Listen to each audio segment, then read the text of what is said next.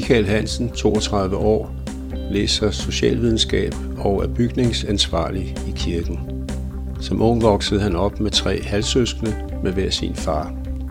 Efter at være uønsket på flere skoler, kom han på Skovbro Efterskole. Her fik han en rigtig god ven, som var medvirkende til, at hans liv fik en ny dimension.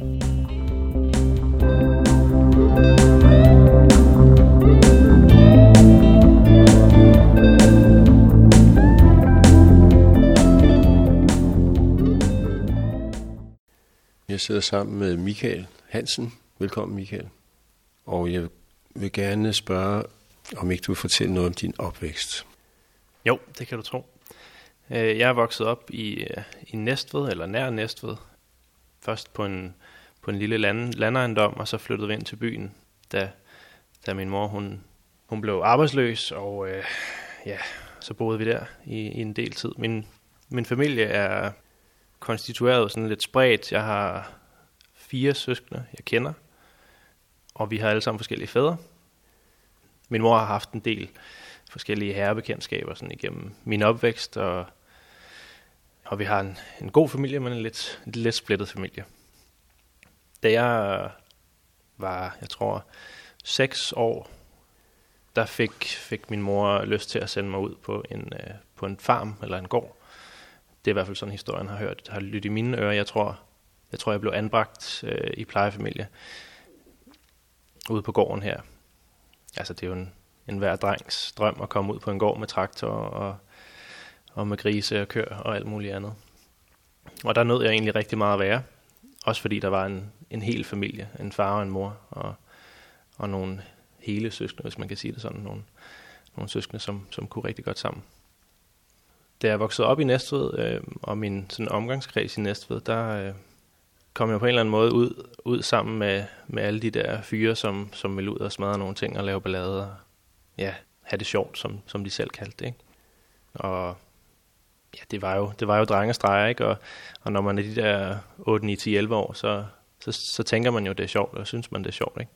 Og på en eller anden måde, så blev det, så blev det sådan en glidebane, hvor, hvor man, når man havde prøvet noget sjovt, så skulle man jo ligesom opgradere det og prøve noget, der var endnu sjovere næste gang. Så det udviklede sig jo hurtigt til nogle små indbrud her og der, og lavede nogle knæk i, i nogle sommerhuse, og var sådan lidt, ja, lidt rundt omkring for at kunne tjene til, til cigaretterne og til, til alkoholen, som ja, det var det, man sådan underholdt sig med, da man var, da man var yngre.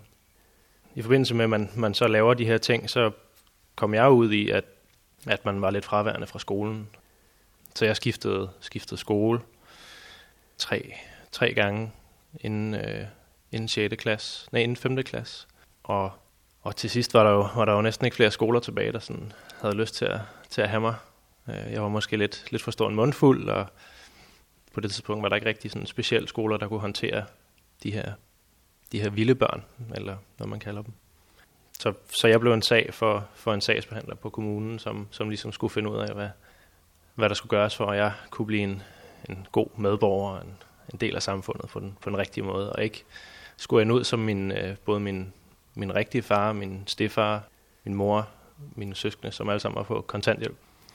Arbejdsløs, og havde været det altid, og havde også i udsigt altid at skulle være det. Ja, så jeg blev sådan en, en sag for kommunen. Og så kommer du på en kristen efterskole. Hvordan gik det til? Ja, jamen det var så, det var så i forbindelse med en udsmidning fra en privatskole, jeg var kommet på, som kommunen havde indvilliget i at betale. Øh, der kom jeg op og slås med inspektøren, og ja, han ville så ikke have mig, have mig der længere selvfølgelig. Og den historie fra, fra den skole, den, den øh, spredte sig jo lidt, så, så ledere og lærere på andre skoler, de, de havde svært ved at tage mig ind, havde måske ikke øh, mod på at tage mig ind. Så i forbindelse med, med sagsbehandlingen, så blev vi enige om, at jeg skulle anbringes et sted. At det ville være godt for mig både at komme ud fra, fra sådan venskabskredsen og de rammer, jeg var i. Øhm, og vi blev enige om, at jeg skulle, jeg skulle sendes enten på en, ja, sådan en, en efterskole med speciale i det her, med, med adfærdsvanskelige børn, som man blev kaldt, eller en, øh, ja, en skole tæt på, som kunne håndtere mig på en eller anden fasong. Og min søster, der, der, der ligesom jeg selv havde haft lidt problemer i opvæksten. Hun, hun var kommet på en skole, der ligger mellem Køge og Ringsted, øh, midt i et skoleår, sådan ret tilfældigt. Det var den nærmeste skole, efterskole, der var, øh, hvor vi boede. Og hun havde nogle gode historier med hjem fra den her skole, at, at det var et godt sted at være, og, og der, der kunne man få nogle gode venner, og ja, hun fik mig nok overtalt til, at det var den skole, jeg skulle anbefale min sagsbehandler. Så var det også den nærmeste skole, så jeg tænkte, nå ja, så kan jeg altså komme hjem i weekenden og køre knallert og, og feste lidt, ikke? Så det blev, det blev lidt ved et tilfælde, og lidt selvfølgelig ved et valg også, den kristne efterskole, der, der hedder Skorbo Efterskole. Skete der noget skilsættende på den skole? Ja, det gjorde der. Øh, jeg gik der i tre år, og de første to, cirka to år, der, øh, der prøvede jeg, så vidt det var muligt, at, at overtale alle mine venner til, til at skulle vende om fra, fra det, de troede på, fordi det var fjollet, øh, indbilsk, øh, det var en fantasi, at, at der skulle findes, fandtes en Gud, der, der havde skabt universet og så videre, for jeg havde jo lært alle andre steder fra, at, at det var et tilfælde, og der var nogle sten, der var ramlet sammen, og, og så var jorden kommet til, og mennesket udviklet fra aber og så videre. Og efter, efter to år, hvor jeg havde haft meget tid selvfølgelig til at tænke over, om det nu forholdt sig sådan, som jeg troede, eller det var de andre, der havde ret, eller... Men så var der nogle aftener med, med noget lovsang. En aktivitet, hvor man synger. Det kan være en tilbedelsesang af, hvem Gud er. Hvor, ja, det er svært at forklare præcis, hvordan det er, ikke? for det er jo næsten en følelse, men, men samtidig er det en eller anden viden, man får. Jeg havde det som om, at klodserne, de ligesom faldt på plads, eller puslespillet, det efter at have været øh, vendt forkert, så, så fandt man den rigtige retning til, til at samle de her brækker. Ikke? Og, og der var på nogle af de aftener, hvor der var lovsang, en, jeg ved ikke, om man kan kalde det en oplysthed, det føles næsten sådan, ikke? men der var en, en fred i, at det var sådan, det var. Den der fred der, den havde jeg ikke oplevet før. Og så den der tilpashed med, at det var sådan, det var. At alt ligesom var, som det skulle være. Alt gav mening lige pludselig. Det her, det, det, det kan sagtens være vejen. Det kan sagtens være sådan, det er sket. Og det var måske, ja, måske mere sådan fornuft, fornuftsbeslutning, selvom jeg oplevede en fred. Efter efterskolen, der flyttede du sammen med en, der hed Jonas. Hvorfor lige Jonas, og, og hvad betød det for dig? Ja, Jonas var en af de personer, jeg havde mødt på efterskolen, som ja, så var en ven for mig, som, som jeg aldrig havde oplevet det før. Han var selv kristen og troende, og havde ligesom accepteret min rejse ind i, ind i det her med tro, ikke? Og, og taget sig lidt af også at svare på alle de dumme spørgsmål, og taget sig lidt af mig. Øh, haft meget tålmodighed til, at, at jeg skulle finde ud af, hvad det her var.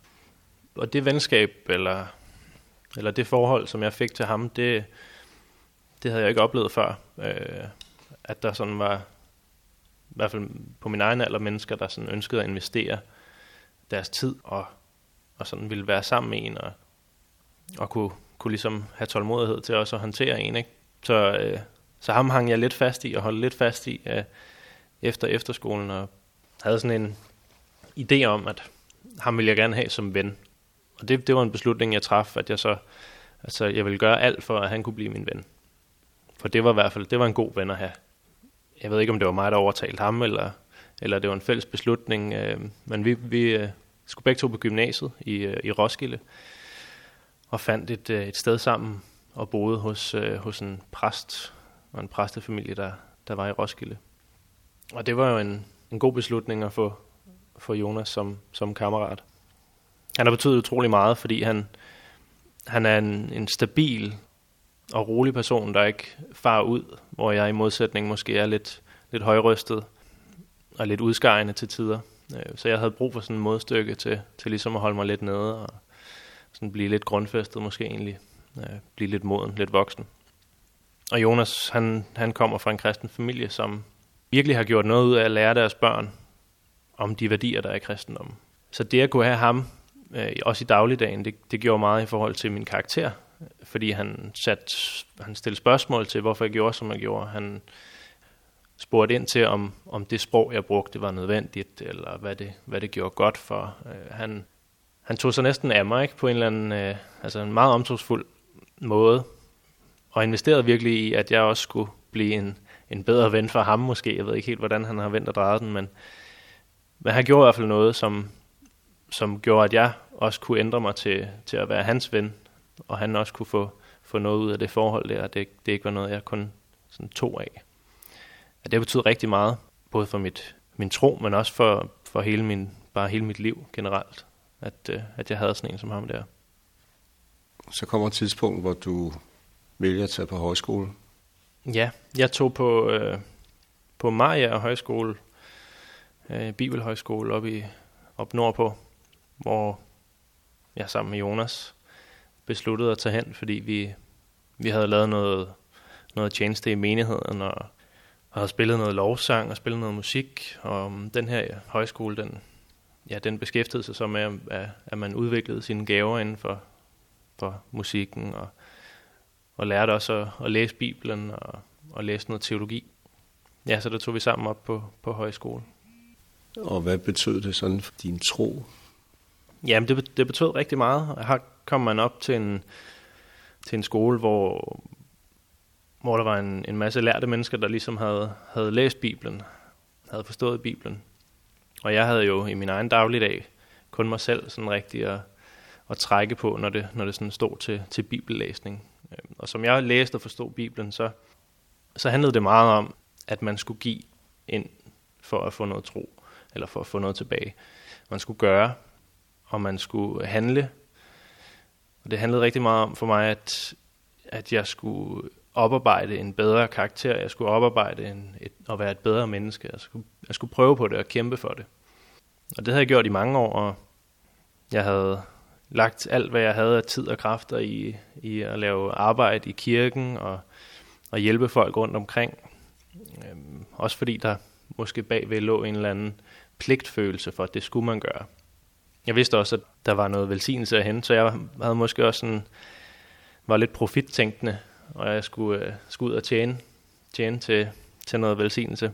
Og mm, ja, jeg, jeg havde måske læst Bibelen forkert egentlig, eller, eller ikke hørt efter i de mange prædikner, man sådan havde hørt. Men da jeg kom derop, der havde vi en, en underviser, der hed Anders Ova, som skulle undervise os i, øh, i tro og omvendelse.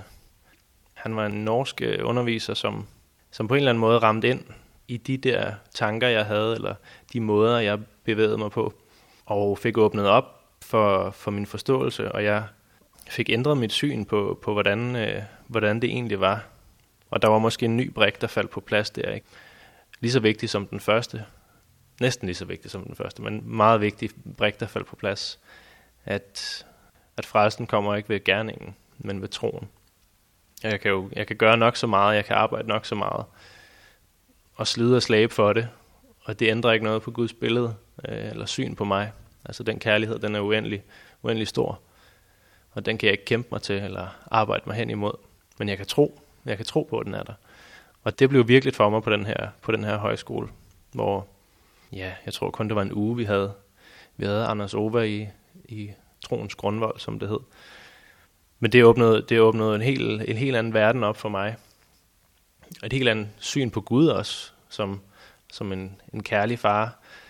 Ja, det kommer jo måske egentlig nok af, hvad man har oplevet i sin barndom, ikke? hvordan man ser, ser på Gud. Øh, jeg havde ikke rigtig oplevet sådan den der faderskikkelse i mit liv. Der har været mange forskellige, kan man sige, ind igennem. Og så mit billede var måske lidt skævt og lidt forvrænget deraf. Men, men på den her højskole, der, der gik der bare en, en ny dør op for mig, ikke? og det var en, en befrielse jo i virkeligheden. At af en eller anden en trældom, jeg levede under, eller ja, en, et ønske om at, at købe min, min fars kærlighed øh, med gerninger. Ikke? Så det var, ja, det var meget skældsættende, det må man sige. Det var, det var en forandring og en forvandling. Også en forvandling, der ligesom gjorde mig, gjorde mig fri og gjorde mig i stand til på en helt anden måde at glædes ved, ved, ved det, der er sket, ikke? ved det, Jesus har gjort. Men sådan, sådan, er der jo, sådan er der jo tit nogle, nogle ting fra ens, fra ens tidligere tid, hvor, hvor man lang tid frem i tiden bliver påvirket af det, og har brug for nogen, der ligesom der hjælper en til at forstå, og hjælper en til at, til at se, at der også er andre måder at kigge på det. Det var en god beslutning i hvert fald at tage, tage på højskolen. Senere så vandt du at blive døbt, og det blev, blev også en skældsættende begivenhed. Hvad betød dåben for dig? Ja, ja det, var jo, det var jo ret sent faktisk, jeg blev døbt, i hvert fald i forhold til, i forhold til min omvendelse. Jeg øhm, blev døbt for fire år siden, fire-fem år siden, øh, og havde, havde længe gået med tanker om, om jeg skulle døbes. Og havde, var blevet spurgt rigtig mange gange, om, om ikke det var en god idé at blive døbt. Og jeg havde også læst det masser af gange, at, at folk blev døbt, ikke? Men ud af den der, ud af den der tanke om, at jeg skulle købe min kærlighed, eller jeg skulle gøre for at få del i det, øh, der, der tror jeg ligesom, jeg havde hele tiden har stået med den her tvivl om, jeg virkelig ville det, fordi det var jo faktisk hårdt. Om jeg virkelig, om jeg virkelig ville Gud, når det kostede så meget. Om, om det var den rigtige beslutning, eller... Så jeg, jeg har ligesom hele tiden holdt det der med endelig at beslutte det lidt på afstand. Det virkede så, så stort for mig at skulle lade mig døbe. Jeg er barnedøbt, og det virkede som en meget stor beslutning at som voksen gå ind og, og sige, det er det, jeg gør. Jeg bliver døbt. Jeg følger Gud.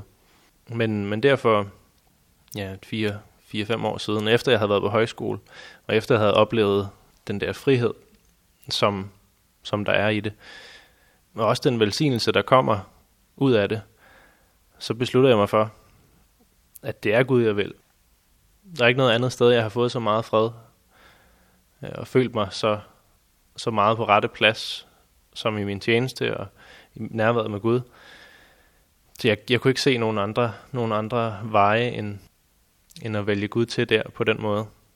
Også offentligt at, at vise, at jeg som voksen vælger at, at tro på, på Gud. Og det er ham, der er herre i mit liv, ikke? Det er ham, der bestemmer vejen. Ja, så jeg, jeg valgte der i 2010-11 at, at blive døbt, og, og det, skulle, det skulle være centrum i mit liv. Det skulle ikke være min uddannelse, det skulle ikke være mit job eller nogle andre ting. Det skulle være Gud og det, han ville, øh, der ligesom var i centrum. Ikke? Det var en stor beslutning, men øh, her på den anden side et par år senere, der er jeg stadig glad for, at det var det, jeg valgte. Det har i hvert fald ikke været et dårligt valg, nej. Faktisk kom du bagefter i en form for, for lærer her i kirken i en tre måneder, sammen med en af kirkens præster, Jens Erik Jacobsen. Hvordan var det? Jamen, jeg har, jeg har altid været, øh, været rigtig glad for at arbejde og knokle, og, og det har givet mig energi på en eller anden måde, ikke? Selvom, selvom det kan virke mærkeligt, men det har, været, det har altid været spændende, også efter man har boet på en gård, vokset op på en gård. Og når man så er flyttet til København og har boet der nogle år, så er det svært ligesom at få, få afløb eller udløb for, for, den, for den trang til at lave noget. Så jeg var rigtig glad for, efter jeg havde, øh, efter jeg havde været i militæret og var blevet militærnægter, var jeg rigtig glad for at komme ind her på Filippervej i uh, nægtertjeneste, hvor Jens Erik han stod og, og kommanderede rundt med mig, som, øh, som han nu kan med, med hans kærlighed og hans varme. Ikke? Jeg fik lov til at gå ja, sammen med Jens Erik og grave huller og grave jord og hente, hente gødning og male stakit og lave alle mulige ting inde i kirken. Og det, jo, det har været fantastisk at gå sammen med ham, fordi han er, altså, han var sådan en utrolig kærlig person, utrolig kærlig personlighed. Og jeg tror næsten, ja, for, for alle unge, der, der ligesom er, om, har været omkring ham, der har han været sådan en eller anden en, en faderskikkelse, ikke? eller en, måske en, ja, en, en kammerat, skråstreg bedstefar. Fordi han har, han har været så rummelig, han har haft plads til så mange forskellige typer mennesker også. Ikke? Altså der var ikke, der var ikke ligesom den personlighed, som han ikke, han ikke kunne kramme eller holde, holde om, eller han ikke kunne holde af. Og når man som, som mig ikke har, har oplevet at have måske en jordisk far, eller, eller ikke har haft den bedste forældre, eller ikke har haft det der familie, tætte familieforhold til nogen, så betød det jo enormt meget at kunne, kunne få lov til at gå sammen med, sammen med Jens Erik herinde, og ja, gå og snakke om vind og vejr, og alle de små banale ting, der nu er i dagligdagen. Ikke? Få lov til at gå og, og hamre på nogle søm, og bare være sådan til stede sammen med, sammen med en, en person, der har levet en del, flere år end en selv, der ligesom man kan sådan suge lidt, lidt viden og visdom ud af. Og kigge op til, altså se op til.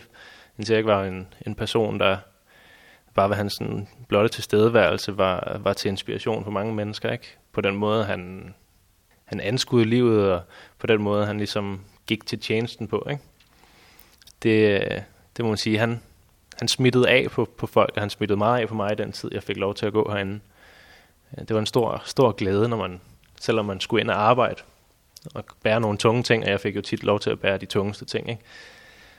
Så, så glædede man sig jo til det. Øh, man glædede sig til at sidde ved, ved kaffen der og, og snakke om, om Afrika, eller snakke om alle de oplevelser, han, han nu havde inde under, inde under skjoldet. Der var, der var rigtig mange historier, rigtig meget at høre, og sådan en ung knægt, som jeg var der, havde jo kæmpe, kæmpe glæde af at, få lov til at høre om, om den hvide verden, som han havde oplevet, og alle de historier, der var fra, fra menighed, som, som han, havde, han havde oplevet. Og jeg tror måske egentlig også at vide, at, at han, han ville en. Han ville en, og han, han gav ligesom ikke slip, vel? Han holdt, han holdt fast. Det, det havde jeg måske ikke oplevet før, fordi faderskikkelsen i mit liv havde været sådan lidt skiftende og lidt sporadisk og fraværende og til stede og fraværende og til stede. Så det var, ja, det var, det var rart. Det var det virkelig.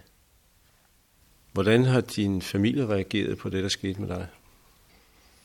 Ja, men jeg tror i starten, da jeg kom hjem og sagde, at jeg var blevet kristen, der tror jeg ikke, de tænkte så meget over det, for de var jo også selv kristen.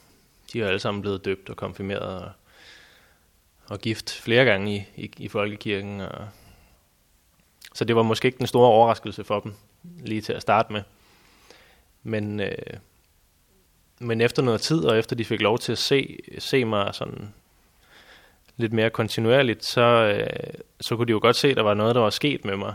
Det var ikke bare, jeg har ikke bare skiftet, skiftet politisk parti eller politisk standpunkt, eller, altså der var noget, der var, der var anderledes, der var noget, der var forvandlet på relativt kort tid, efter jeg var fyldt 18-19 år. Min mor er utrolig lykkelig for det, for hun, hun kan jo godt se de kvaliteter, der ligesom er, er kommet, ikke? og hun har jo så også oplevet hele min barndom, og, og snakke med, med politibetjenten, når, når jeg har lavet et eller andet, eller, eller med skolelederen, når jeg er blevet smidt ud. Så hun kender jo ligesom hele historien, så hun var jo utrolig glad for den, for den anderledeshed, der var, eller den forvandling, der var sket. Øh, min, min stefar, som jeg har haft igennem 5-6 år efterhånden, han kender jo så ikke baggrunden så meget, og han er han er også en anden overbevisning end mig, øh, når det kommer til, til tro og til, til, hvordan verden er blevet til. Så han synes bare, jeg er fjollet, egentlig. Og har sjældent lyst til at snakke om, om tro. Har meget tit lyst til at snakke om øh, evolution og, og, og den måde at se, se livet på. Ikke? Men, øh, men de har taget godt imod det. De har ikke været, de har ikke været meget, meget imod, at jeg er gået ind til det. Min mor har været lykkelig for, at der er sket noget at jeg er blevet forvandlet, ikke? og jeg, jeg er blevet en fornuftig ung mand, som hun kalder mig. Ja, det er hun rigtig glad for. Men de er nok ikke helt enige i min form for kristendom. Altså, de, de er nok begge to mere tilhængere af, at, at tro og, og kristendom, det, det er noget, der hører julen til, og, og så er det fint med det. Hvad drømmer du om, Michael? Jamen, jeg har, jeg har en del drømme, må jeg sige. Jeg har rigtig mange, mange ting, jeg godt kunne tænke mig at, at både være en del af og se ske sådan omkring mig. Og jeg er sådan en person, der, der, godt, kan, der godt kan lide at begive mig ud i projekter og gøre ting, øh, og lave ting og drømme ting, og, og få dem til at, og ligesom blive til noget.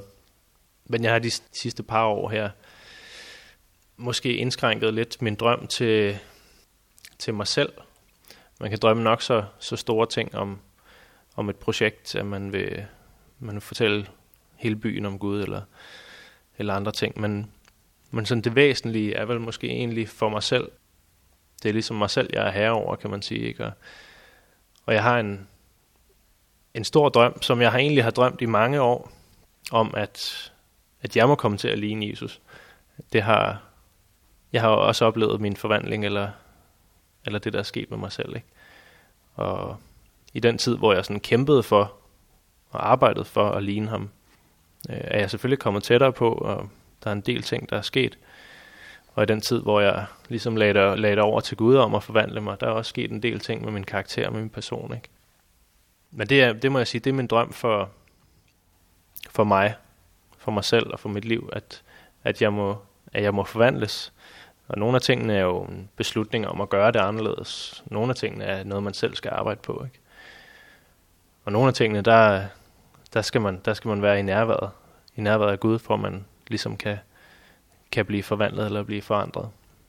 Jeg har oplevet både at kæmpe for, for nogle ting, som jeg har opnået, ikke? Og, og det har været godt.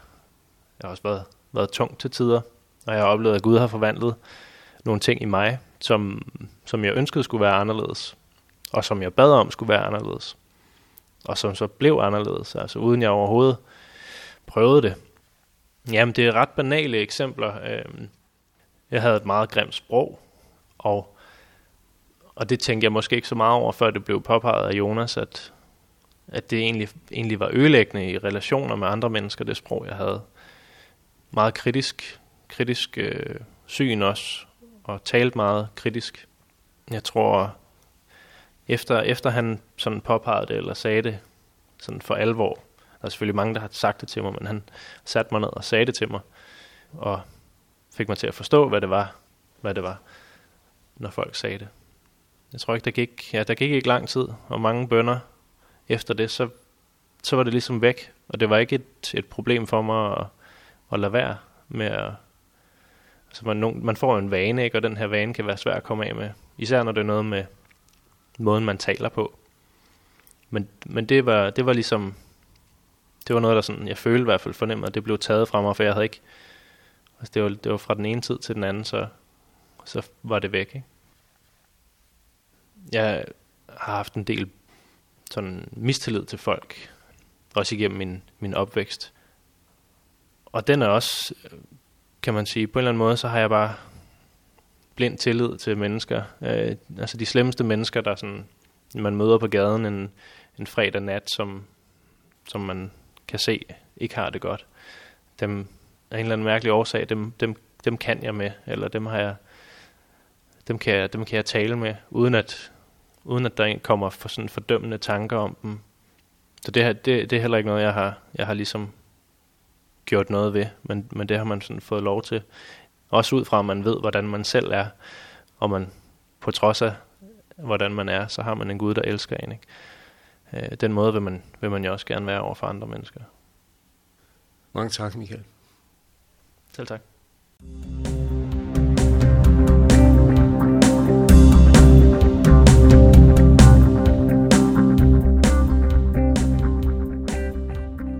Optaget redigeret for cirka 5 år siden af Bjørn Hansen. Introduktionen er optaget i 2019.